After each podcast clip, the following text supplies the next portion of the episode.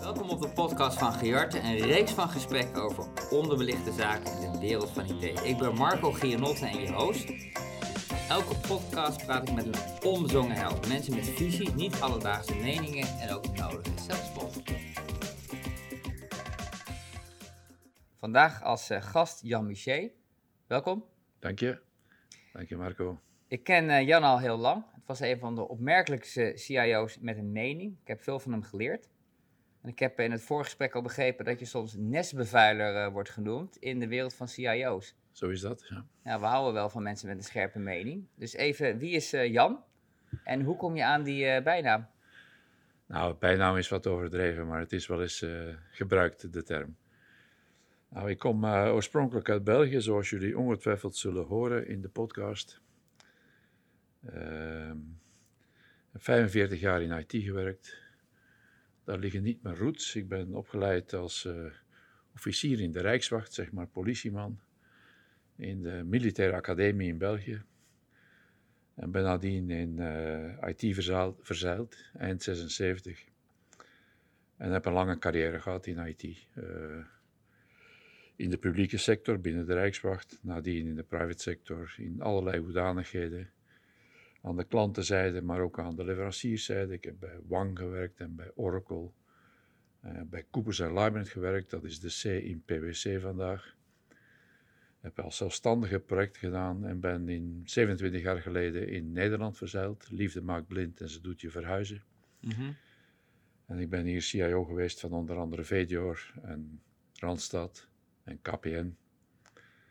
En heb daarnaast ook eigen business gehad en een heel lange historie. Ja, we gaan het hebben over uh, uh, het verleden en de toekomst, hoop, de hoopvolle toekomst van, uh, van IT. We gaan het ook hebben over hè, de techniek, wat je zegt, het vakgebied, maar ook over de impact van IT op businesses.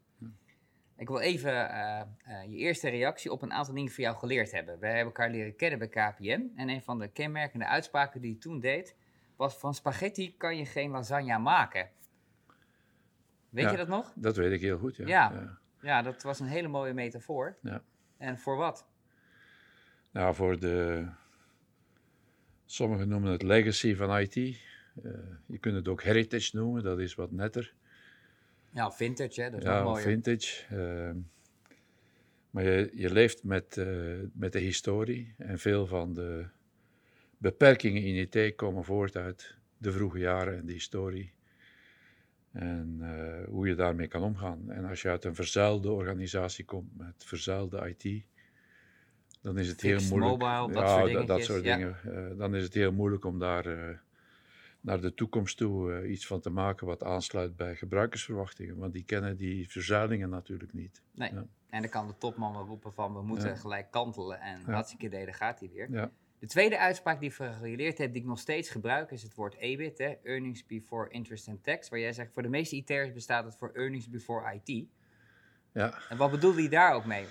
Nou ja, de, de, voor de meeste IT'ers kennen dat begrip niet. Uh, zij zien IT, maar Earnings Before IT betekent dat je eigenlijk eerst naar de business moet kijken en dan naar IT. Uh, dat, het is een boetade om te zeggen dat het eigenlijk om de business gaat en niet om IT. Ja, dat is het.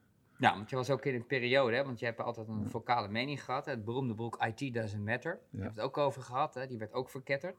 Maar even de derde uitspraak, en die hebben we, ja, dat was een maand geleden.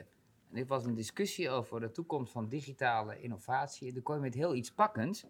Dat je zegt, ja, ROI, Return on Investment, moet je omdraaien naar IOR. Ja, het idee is dat je... Um, niet altijd een uh, precieze en exacte return kan verwachten. Uh, business cases zijn de dood natuurlijk van innovatie. Mm -hmm. uh, het begint bij een investering en die investering creëert, als het goed is, opportunities. En die opportunities die kan je wel trachten in te schatten en te benoemen. Maar hoe die opportunities zich in een return vertalen, dat is zeer divers.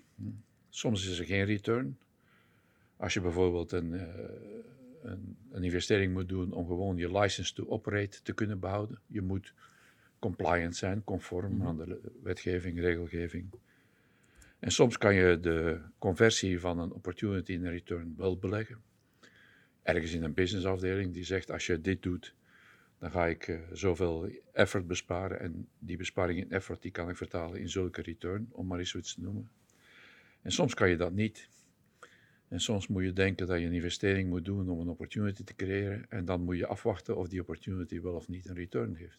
Weet je de andere? Ja, dat is met, met artificial intelligence is dat zo, met big data is dat zo. Dat zijn eigenlijk open-ended uh, investeringen. Ja.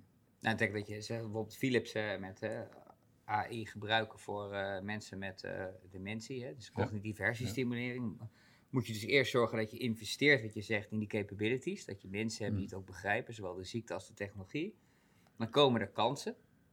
En die moet je dan eigenlijk pakken. Maar dan moet je ook experimenteren. We hebben het even gehad over serendipity, hè? de toevalstreffer, die we eigenlijk ook zoeken in IT. De voorzienigheid ja. voor religieuze mensen onder ons. Ja. Of het toeval voor de anderen. Ja. ja, maar dat je eigenlijk kan je toeval organiseren. Toeval bestaat niet, zei Johan Cruijff ooit. Ja. Um, ja, je loopt al heel wat mee. En wat me altijd is opgevallen is dat je uh, positief kritisch bent over het eigen vakgebied. En daar hou ik van. Ook het CIO-schap. Je hebt op een groot CIO-event ook een kritische noten laten horen over het eigen vakgebied. En ook een van jouw uitspraken, als je googelt, is het: we zijn nog steeds even slecht als 30 jaar geleden. Ondertussen 40 jaar geleden. 40 jaar, dus, jaar geleden, ja, dan ben ik heel benieuwd naar. Ja, want je hebt best, best hoopvol. Ik zie niet een soort ja, professor zuurpruim tegenover nee, nee, me staan. Uh, verklaar je over die 40 jaar uh, opgestapelde ellende? Nou, heb je even. Uh, Kijk, wat, wat je ziet, ik ga jou citeren. Ja. Jij schrijft ergens in een van je boekjes: IT is vaak een hoofdpijndossier voor bestuurders, complex, duur en bijna altijd gezeik. En wie wordt er nu echt blij van? Vraagteken. Dat is Marco Gianotto in zijn inleiding in een voorwoord voor een van zijn publicaties. En dat zie je. Je ziet de frustratie bij bestuurders, de verwarring bij bestuurders. Die zie je nog altijd. Geef gelijk welke besluitnemende groep mensen in een bedrijf. Geef die een vraagstuk over uh, strategie, uh, marketing, uh, mergers and acquisitions, logistiek, productie, noem het. En die mensen hebben een referentiekader, die kunnen gezamenlijk behoorlijk goed besluiten nemen. Daarom zitten ze daar. En doe hetzelfde voor IT. En het wordt opeens heel veel moeilijker om besluiten te nemen. Ja, en hoe komt dat dan? Ja, dat is eigenlijk wat mij zo bezighoudt. Ik, laat me duidelijk zijn, ik vind dat dus onnodig. Dat het zo is, maar het is nog altijd zo. Ja. Uh, ik ken wel bestuurders die zeggen van, uh, geef mij een IT-investeringsvoorstel en ik doe de kosten maal twee en de baten deel ik door twee. En dan wil ik er naar kijken. Als het dan nog klopt, weet je. Dat geeft aan dat er een iets aparts aan de hand is met, uh, met IT-investeringen in bestuurskamers. en dat kan je vanuit uh, drie gebieden bekijken waarom dat zo is. Techniek. Nou, men vindt en vond in ieder geval dat men veel meer van de techniek moest weten om zulke besluiten goed te kunnen nemen. Ja, dat is dus niet zo. Die techniek heeft zich ontwikkeld uh, over ik praat nu over IT in, in corporate omgevingen, in mhm. bedrijven.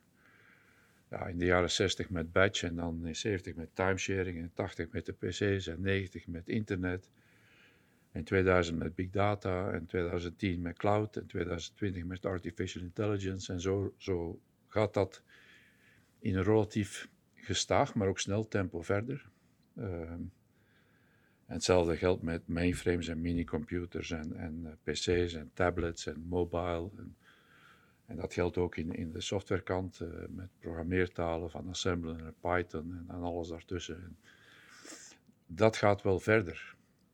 Dat is niet, uh, dat is niet echt bepalend voor die verwarring die er is. Wat wel bepalend is, denk ik, voor die verwarring is het zo snel als die techniek gaat, zo weinig is ons vakgebied matuur geworden. Dat is de tweede pijler. De tweede pijler is ons vakgebied, het IT-vak en, en de discipline rond IT in bedrijven. Die is nog altijd niet matuur.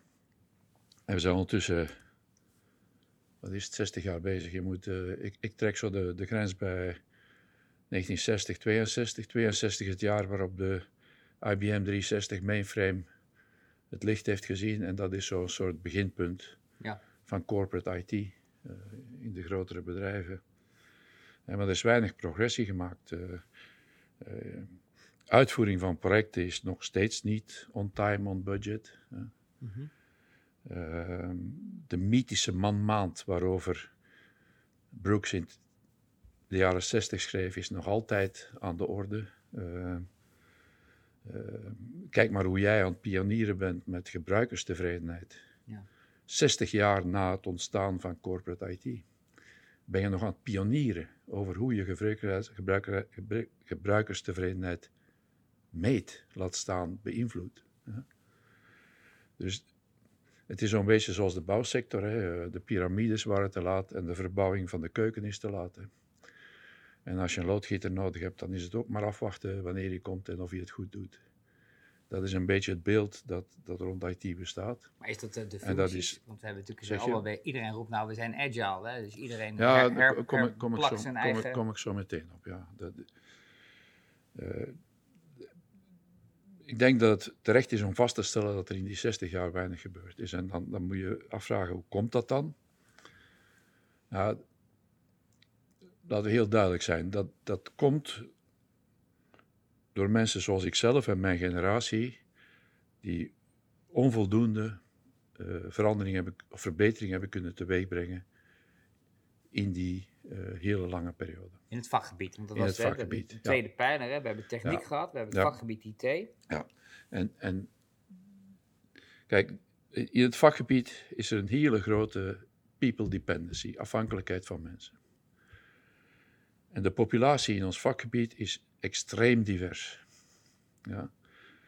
De eerste programmeur die ik ooit heb ontmoet was een eh trombonespeler in een eh, big band. Die ook arrangementen maakte en die vond dat dat erg leek op programmeren. En de tweede was een goudsmid. En al sinds de jaren 60 of 70 eh waaien er heel veel mensen naar IT, hè, die in een toevallige manier daar terechtkomen. Samen met dan meer, meer professionals. En dat geeft een enorme eh, variantie in de populatie. En we zijn er nooit in geslaagd om dat goed eh, te managen. En die variantie onder controle te krijgen. En je ziet dat vandaag nog. Hè. Eh, ik zie nog iedere dag nieuwe functietitels en nieuwe job descriptions waar ik geen touw kan aan vastknopen. Hè. Dat vind je nou een hele rare? Ja, maakt niet uit. Dus In, in, in, allerlei, eh, in allerlei deelgebieden. eh, Een soort titel, eh, ja, inflatie, ja, er, zijn, er zijn er tienduizenden. Ja. Ja. Maar in, in andere vakgebieden convergeert dat na enige tijd. Ja. In ons vakgebied converteert dat nog altijd niet. Dus als een CIO niet werkt, dan noemen we hem CDO bijvoorbeeld. En die zijn ook nu allemaal weer ontslagen.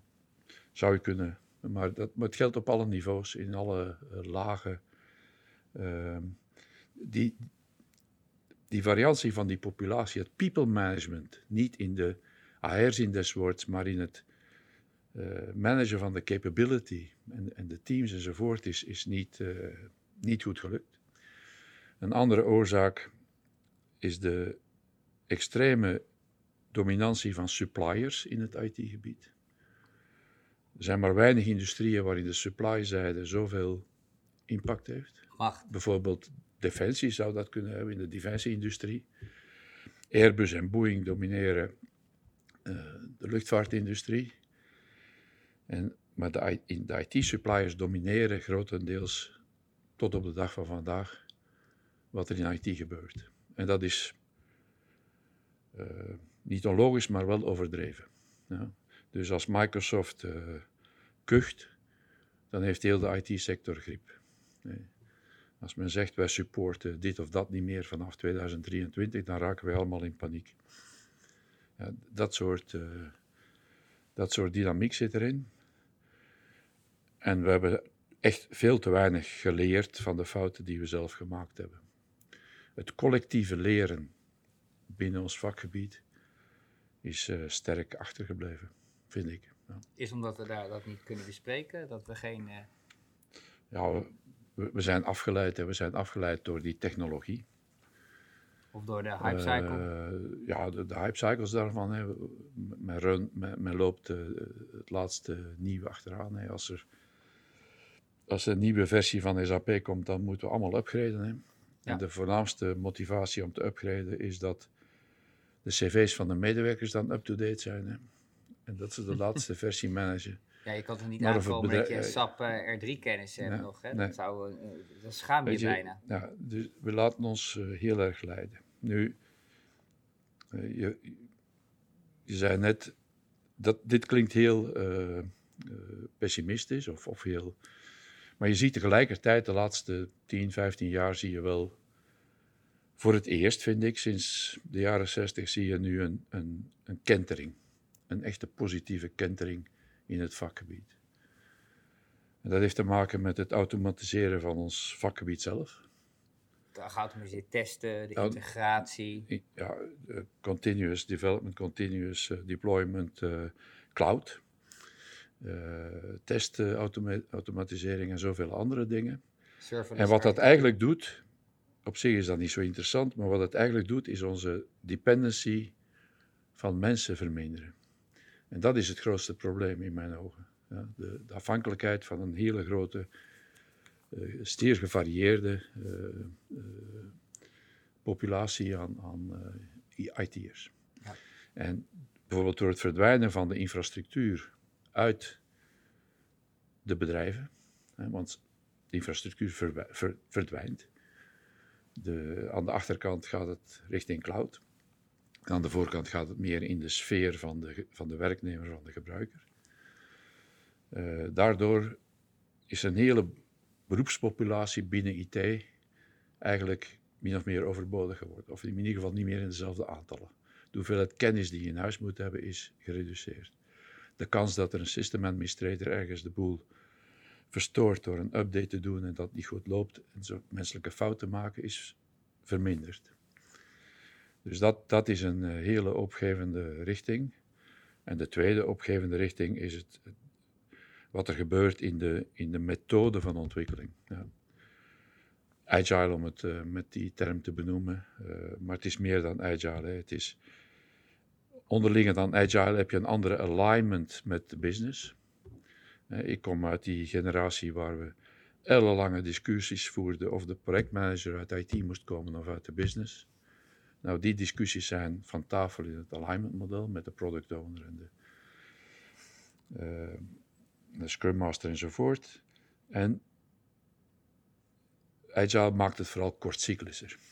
Ja. Uh, vroeger kwamen we tot de vaststelling dat dingen niet werkten na zes maanden of negen maanden analyse. Of een paar jaar ja, in de overheid. En nu uh, heb je een cyclus van vier of zes of acht weken en weet je waar je staat. Dus dat is wel, en het heeft ook wel zijn issues, maar ik denk dat het vakgebied met dus de, de automatisering van IT zelf, gekoppeld aan de uh, kortcyclische methodiek uh, die we alignment, die we uh, agile noemen.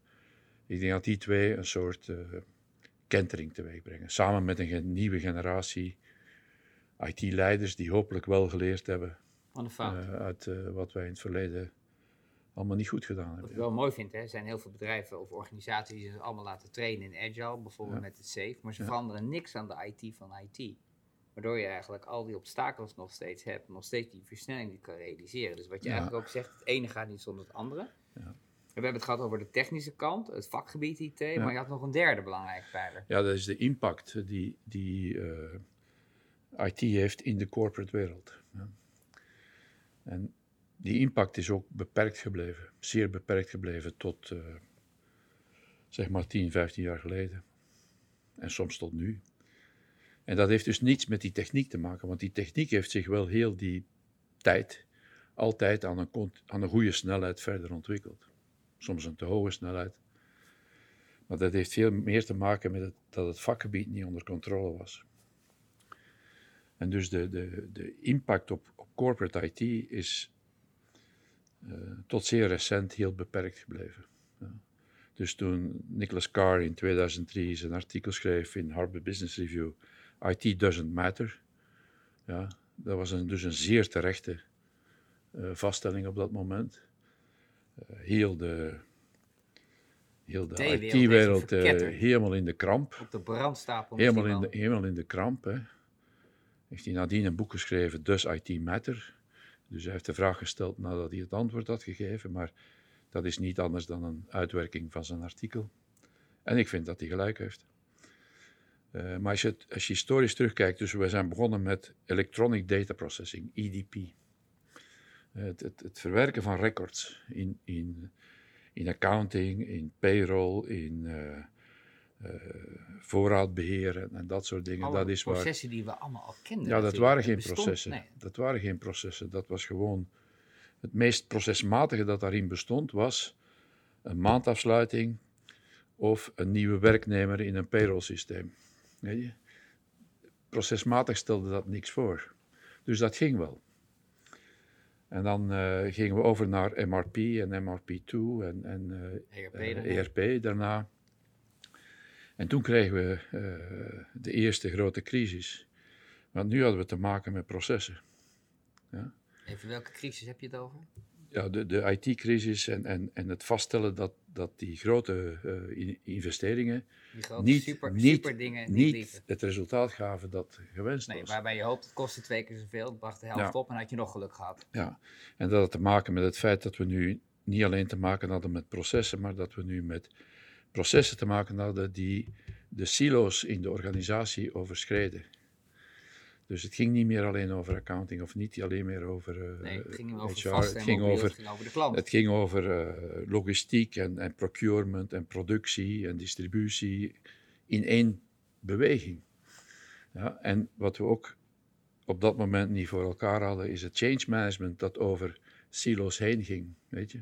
Change management is nog altijd de zwakke plek van dit soort eh, ingrijpende eh, procesveranderingen. Maar de impact is nu groter geworden, toch? Want je zegt is van techniek, vakgebied IT en de impact op bedrijven. Het was op bepaalde hoogte was het echt niet zo belangrijk, maar ja, je zegt ook dat is toch wel veranderd nu. Het is aan het veranderen. Het begint, ik kom er zo meteen op. Maar even nog, als je nu googelt, hè, en je googelt bijvoorbeeld AR Business Alignment, Ja, dan krijg ik in mijn eh, browser 40 miljoen hits. ja. HR business. HR Business. En Marketing Business krijg ik 85 miljoen hits. En Finance Business krijg ik 90 miljoen hits. En hoeveel krijg ik er als ik IT Business Alignment doe? Krijg ik anderhalf miljard hits. Ja. Weet je, als indicatie van het feit Probleem. dat er een probleem is. ja, het probleem is zo groot. Of was. Maar het is ook een En beetje het probleem wat in stand is gehouden. Heel veel mensen hebben heel veel geld verdiend aan het niet goed eh, kunnen praten tussen de business en IT. Ja, vooral aan de supply-zijde, ja. Ja, die hebben er heel veel profijt van aan de consulting-zijde. Maar ik, ik, ik wil maar aangeven dat daar een, een, een dat IT een ander soort probleemgebied is dan de meeste andere functies in Ja. bedrijven. Tot in de bestuurskamers aan toe. Dus het is moeilijk. Maar je bent wel even kijken En naar dan- de toekomst. Hè? We Ja. hebben heel veel geleerd uit het verleden. Even kijken naar, naar de toekomst. Je bent hoopgevend. Nou ja, er is, er is dus iets gebeurd buiten de corporate IT. Dat is dat met de komst van het World Wide Web en de e-commerce en de self-service en de eh, toegang tot informatie, de search engines, de user-created content, de entertainment, eh, 24 uur, eh, overal alles, is er een bepaalde transparantie ontstaan en die heeft enorme impact in ons, in, de, in wat ik noem de social IT, ons persoonlijke leven. Heeft niks met de corporate als zodanig te maken. de, de, de, de Anders dan- de consumer IT de kant. consumer IT-kant, die we natuurlijk als mens meenemen naar ons werk, werkplek. Maar, en wat je nu ziet is dat in een soort indirecte beweging over de as van die consumer IT, dat de corporate wereld zich daar nu 20 jaar na dato, want World Wide Web de facto 20 jaar Mhm. in gebruik. Hè. Nu is de corporate wereld zich aan het aanpassen aan die social IT. Er is in 20 jaar, tussen 2000 en 2020, meer gebeurd in social IT dan in de 40 jaar of de 60 jaar tussen 60 en 2020 in corporate IT. Alleen wat we nu digital transformation noemen, is niks anders dan een verlaten reactie op die consumer IT. Bedrijven zijn zich nu aanpassen, aan het aanpassen aan de realiteit van de consumer IT. En nu ontstaat er opeens wel heel veel impact in bedrijven. En dat kan ook, wat je zegt, Ja. IT voor IT. We hebben een andere manier van Ja. cyclisch. Ja. Dus er is een soort beweging waarbij bedrijven nu gedwongen worden vanuit de consumer IT om zich aan te passen. Dus dat navelstaren naar binnen, MRP, ERP, eh, productiviteit, cost savings enzovoort, dat wordt, nu, TCO-mandaat. dat wordt nu overhoop gehaald. En nu gaat het over naar buiten kijken en aanpassen aan die consumer IT. En die combinatie van die, eh, die nieuwe realiteit, dus die, die digitale transformatie, afgedwongen door social of consumer IT, in combinatie met eh, een hoopvolle ontwikkeling in ons vakgebied, die maakt dat er nu, in mijn beeld in ieder geval, voor het eerst perspectief is. En ik denk dat we nu de volgende twintig jaar wel heel veel, eh, heel veel meer progressie gaan zien, ook in bedrijven, dan in de voorbije 60. Dus, eh, corporate IT is de laadbloeier in het gezin. Ja. Dankjewel voor deze fantastische bijdrage aan de podcast, Jan. Graag gedaan. Ik ben blij dat je erbij was. Dank u wel voor het luisteren van de podcast van Giarte op Spotify en tot de volgende keer. Dank je.